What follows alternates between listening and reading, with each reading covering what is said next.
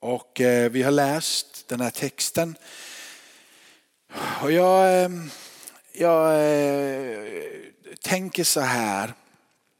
När jag, när jag, så hela hela Efesierbrevet har en, har en fantastisk uppbyggnad utav, utav Paulus. Det är liksom ett, en förståelse om ett, liksom början måla upp ett, det finns ett andligt liv som, som, som Jesus har gjort. Eh, det är möjligt för dig och mig att få. Eh, det, det här livet var helt eh, bortanför all rimlighet innan Jesus kom. Det var inte på det sättet som man, som man nalkades Gud. Han säger att med den här kraften, alltså med Guds kraft, så verkade han i Kristus när han uppväckte honom från de döda och satte honom på sin högra sida. Över alla förstar och väldigheter, makter, herradömen, över alla som kan nämnas och inte bara i denna tidsålder utan också det som ska komma.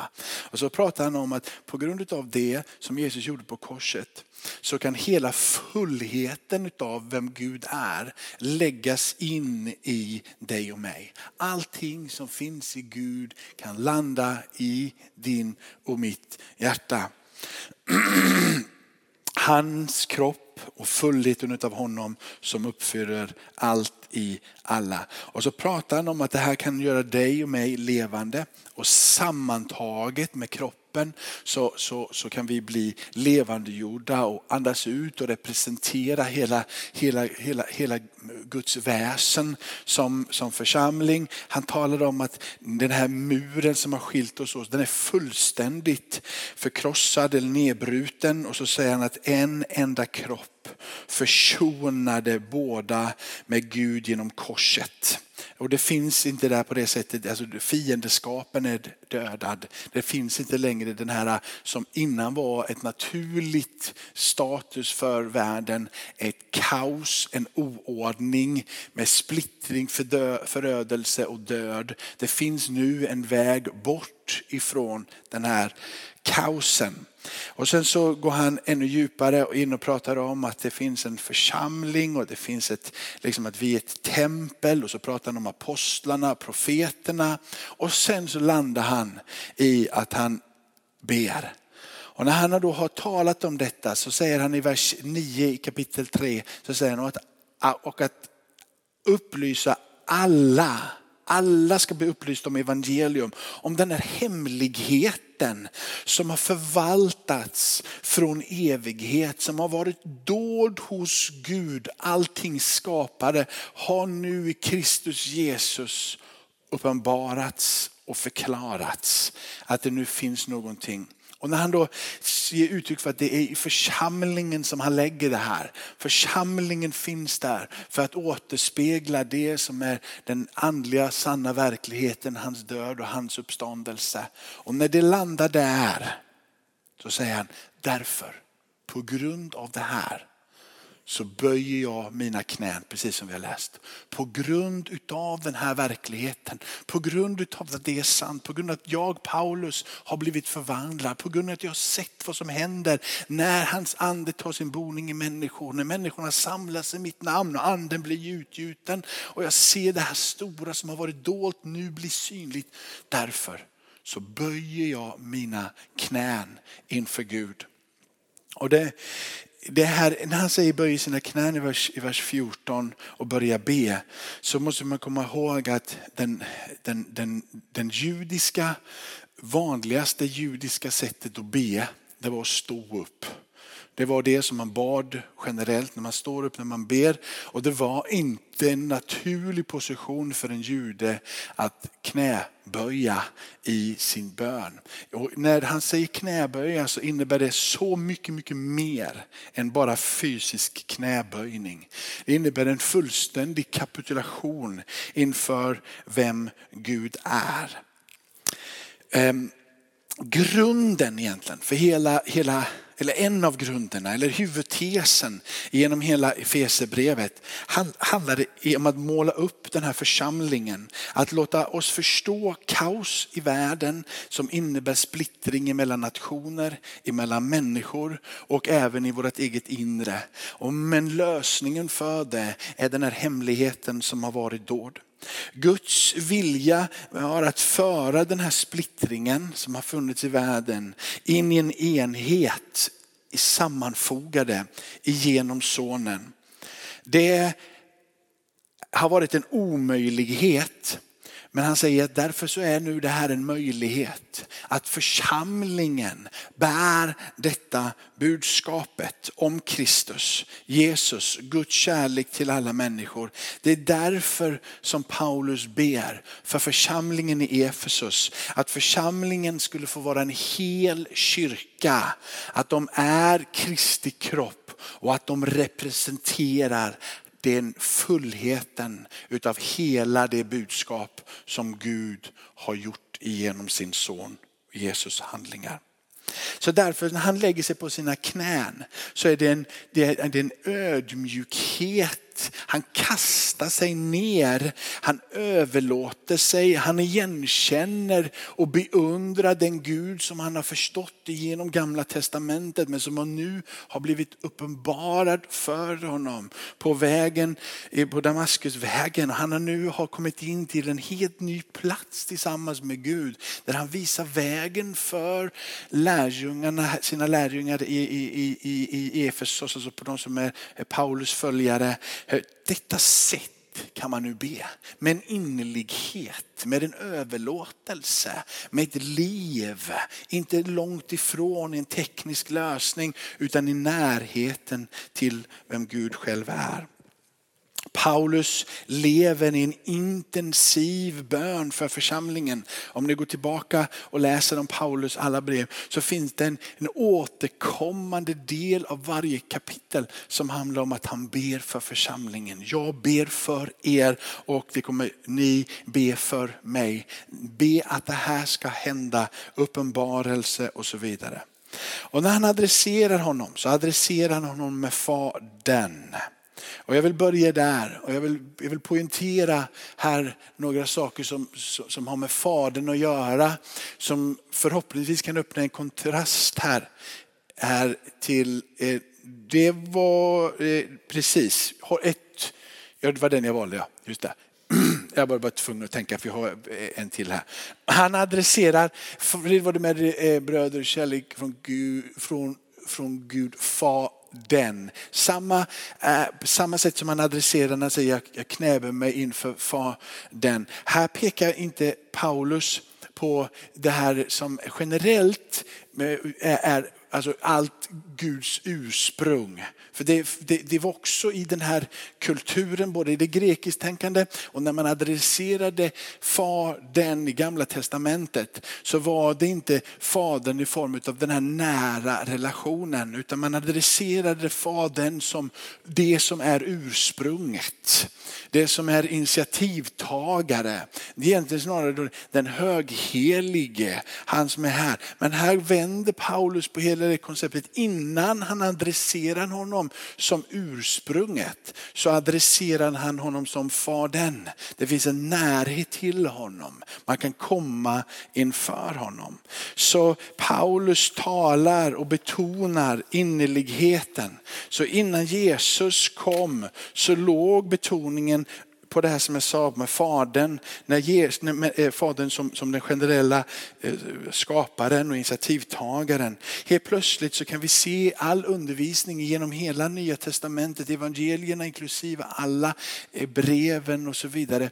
Hur centrum utav allting handlar om att man kan få stå i närheten nu till Gud själv. Det var en ofrånkomlighet i gamla testamentet. Nu finns det någonting som händer och det är en förståelse att Gud är en kärleksfull Gud, att Gud är en barmhärtig Gud, att Gud är en mild Gud, att Gud är så som Jesus. Paulus talar om Gud från Jesu liv och Jesu berättelse. Så när Paulus undervisar om vem Gud är eller talar om vem Gud är så gör han det i ljuset av det liv som Jesus levde och de berättelser som Jesus talade. Gud är en fader som vi har tillgång till. Om du tar nästa vers där så är det så här att i gamla testamentet som man sa så, så var det omöjligt att komma nära. Till och med så har du i domarboken där det, du gett uttryck för att du kan inte ens eh, se Gud. Och nu har vi sett Gud, står det där eh, när Simson föds. För nu har vi sett Gud, den där ängeln som kommer som heter underbar. Och nu har vi sett, nu måste vi dö. Här, nej vi ska inte alls dö säger frun. Liksom. Men, men så hela, hela gamla testamentet är fyllt, när man ser Gud då dör man. Och helt plötsligt här så kommer en helt annan förståelse om närheten till Gud. Du kan komma till honom på det här sättet. Och judarna hade ju templet. Så hade du det här att prästen en gång om året fick gå in och liksom bringa försoning för alla och så vidare. Så, så, så hela, hela, hela, hela centrum, om du får säga, utav, utav gamla testamentet handlar om den här höghelige guden. Och som du inte kan nalkas för han är så härlig och helig så du kan inte komma i närheten utav honom. Men centrum för Nya Testamentet är tvärtom. Det finns någonting hela tiden som pekar på närheten. Den kristna tron ligger i att vi kan möta och ha en relation med Gud. Det finns inte längre några restriktioner, eh, några sätt vi behöver förhålla oss av. Utan du kan komma till honom i en och samma ande. Som motpol till detta så får vi inte glömma heller lite av det som vi pratade om här vid matbordet. Att Gud är fader av helighet. Ifrån kapitel 1 och vers 17. Fader av härlighet och helighet. Jag ber, säger Paulus där när han ber, att våran Jesu Kristi Gud, härlighetens fader. Han även är den helige fadern och han är den härlighetens fader även i Nya Testamentet. Och eh, som kontrast till den här innerligheten så får man inte ta bort sig ifrån eller nalkas Gud med någon form av ja, någon lite patetisk, kärleksfull sentimentalitet, sentimentalitet, sentimental, liksom, att det blir kladdigt och kletigt och, och, och, och, och liksom på något sätt, det blir liksom jag och, jag och pappa Gud hela tiden. Det ligger inte i Nya Testamentets andedräkt trots att vi får äntra in i det allra heligaste. Att den vägen är öppen och vi kan adressera honom som Abba fader och vi kan säga han är min pappa Gud. För det är så som han vill att vi ska förstå att vi får komma. Men att, att att ha bara den förståelsen och stå där så missar man också att han är transcendent. Att han är över hela sin skapelse. Att han är den högste, att han är härskarnas herre. Att han är så stor så att du kan inte bara nå honom så. Han är det i samma andetag. Och den kristna tron har i alla tider jublat och celebrerat undret som finns i Kristus. Att få komma nära Gud men har heller aldrig glömt hans helighet och härlighet. Gud har alltid välkomnat syndaren. Men det, Gud har aldrig låtit sig köpslå med hans kärlek och hans nåd. Gud är en helig Gud. Och det som söker hans vänskap och hans närhet måste också vara heliga så som han är helig. Det har varit det kristnas budskap i alla tider kan inte ändra. Nåd, när vi predikar nåd. Så många som, som kanske är från 25 och neråt har egentligen inte förstått nåd som de som är lite, lite äldre. För de som är lite, lite äldre, de har hört ganska många helvetespredikningar. Så här, de har stått, du kommer till helvetet om du inte vänder Så när sen är nåden och man börjar förkunna nåden så som det verkligen ska förkunnas. Så blev det som balsam för mig som är uppvuxen med, med törn och bön. Liksom. Det var bara omvändelse eller så får du brinna i helvetet för resten av ditt liv. Men när nåden kom som förkunnelse så blev och jag fick den så fick det som balsam. Jag har fått förstå det här. Liksom.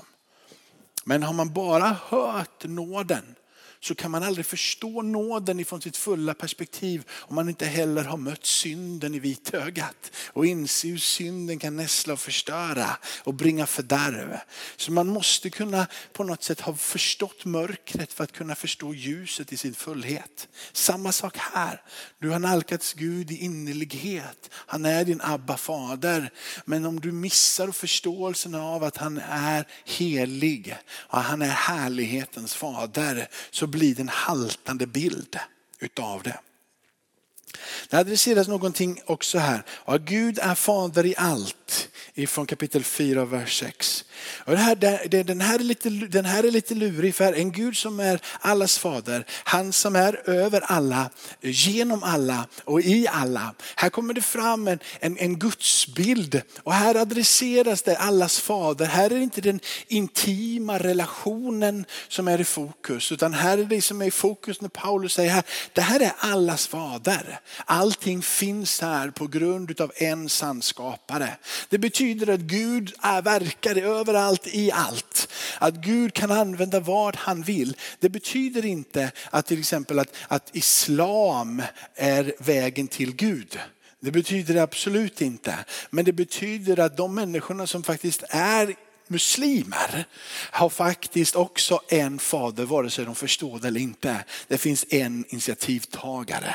Det betyder inte för att det står så här att Gud är i allt som människorna säger och gör. Men det betyder att Gud är bakom allting och att han lämnar inte sitt ansvar för sin skapelse. Han säger inte bara att nu drar jag undan min skapelse och låter dem liksom hålla på som de vill. Han säger jag är närvarande, jag är allas fader. Jag tar fullt ansvar för det här, det är därför jag sänder min son.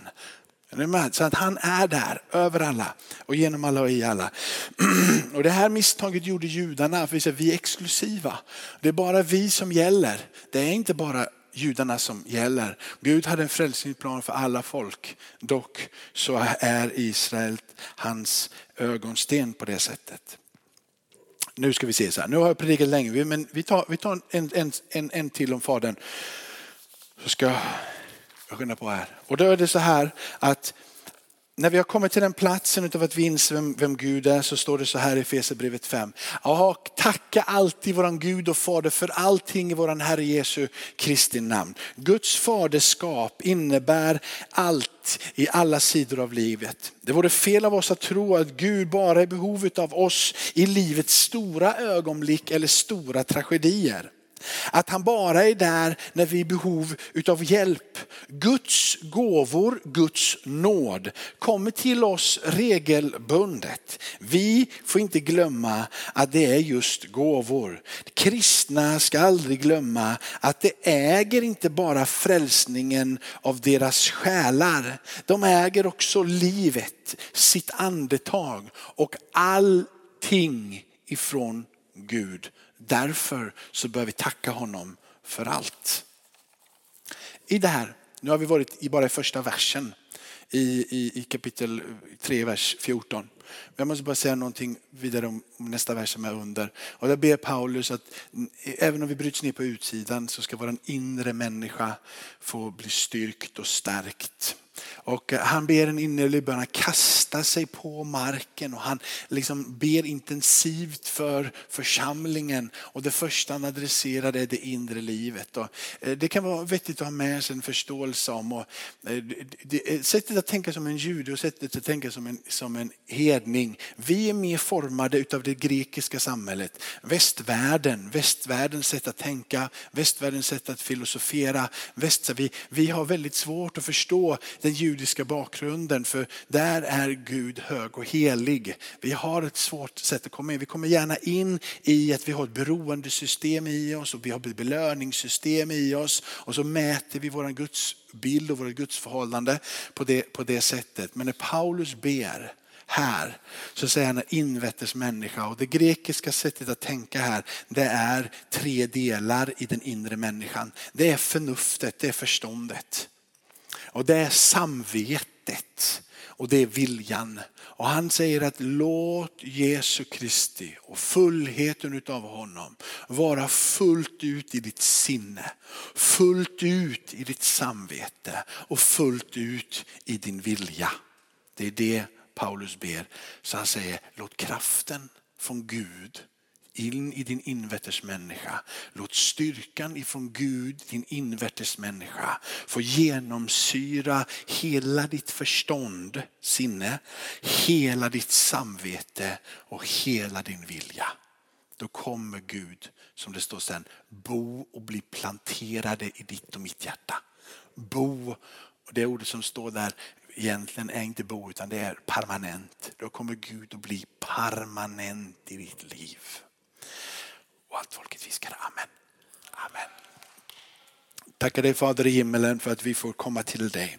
Att vägen är öppen öppen inför dig, våran Fader i himmelen, genom din son Jesus Kristus. Tack för att vi får lära oss vem du är fullt ut genom sonen. Att hela uppenbarelsen om hur hög och helig du är, härskarnas Herre, allsmäktig Gud. Men får också lära oss att det är möjligt att möta med denna väldige Gud i närhet, att till och med få komma så nära dig att det inte finns några restriktioner. Vi kan få komma så nära dig dig som i en familj. Vi kan få röra vid dig, prata med dig och ta emot ifrån dig. Tack för att vi får komma till dig, inte som någon domare långt borta utan som en far nära. Tack för att du har öppnat vägen, att du har berättat det för oss Jesus in i det allra heligaste. Tack för att du ville lära mig och ditt folk här lokalt i Linnéakyrkan att adressera dig på ett rätt sätt och tro dig om mirakler. Tro dig dig om kraft och styrka för våran invärtes människa var gång vi ber. Och vi ber att vi ska vara styrkta och stärkta i våra sinnen, i vårat samvete och i våran vilja. Att du permanent ska bo i våra hjärtan så att vi kan urskilja vad som är rätt och fel och följa dig alla dagar in till tidens ände. Ära vare Fadern och Sonen och den heliga Ande nu och för evigt. Nu och för alltid och i evigheternas evigheter. Amen. Amen, amen, amen.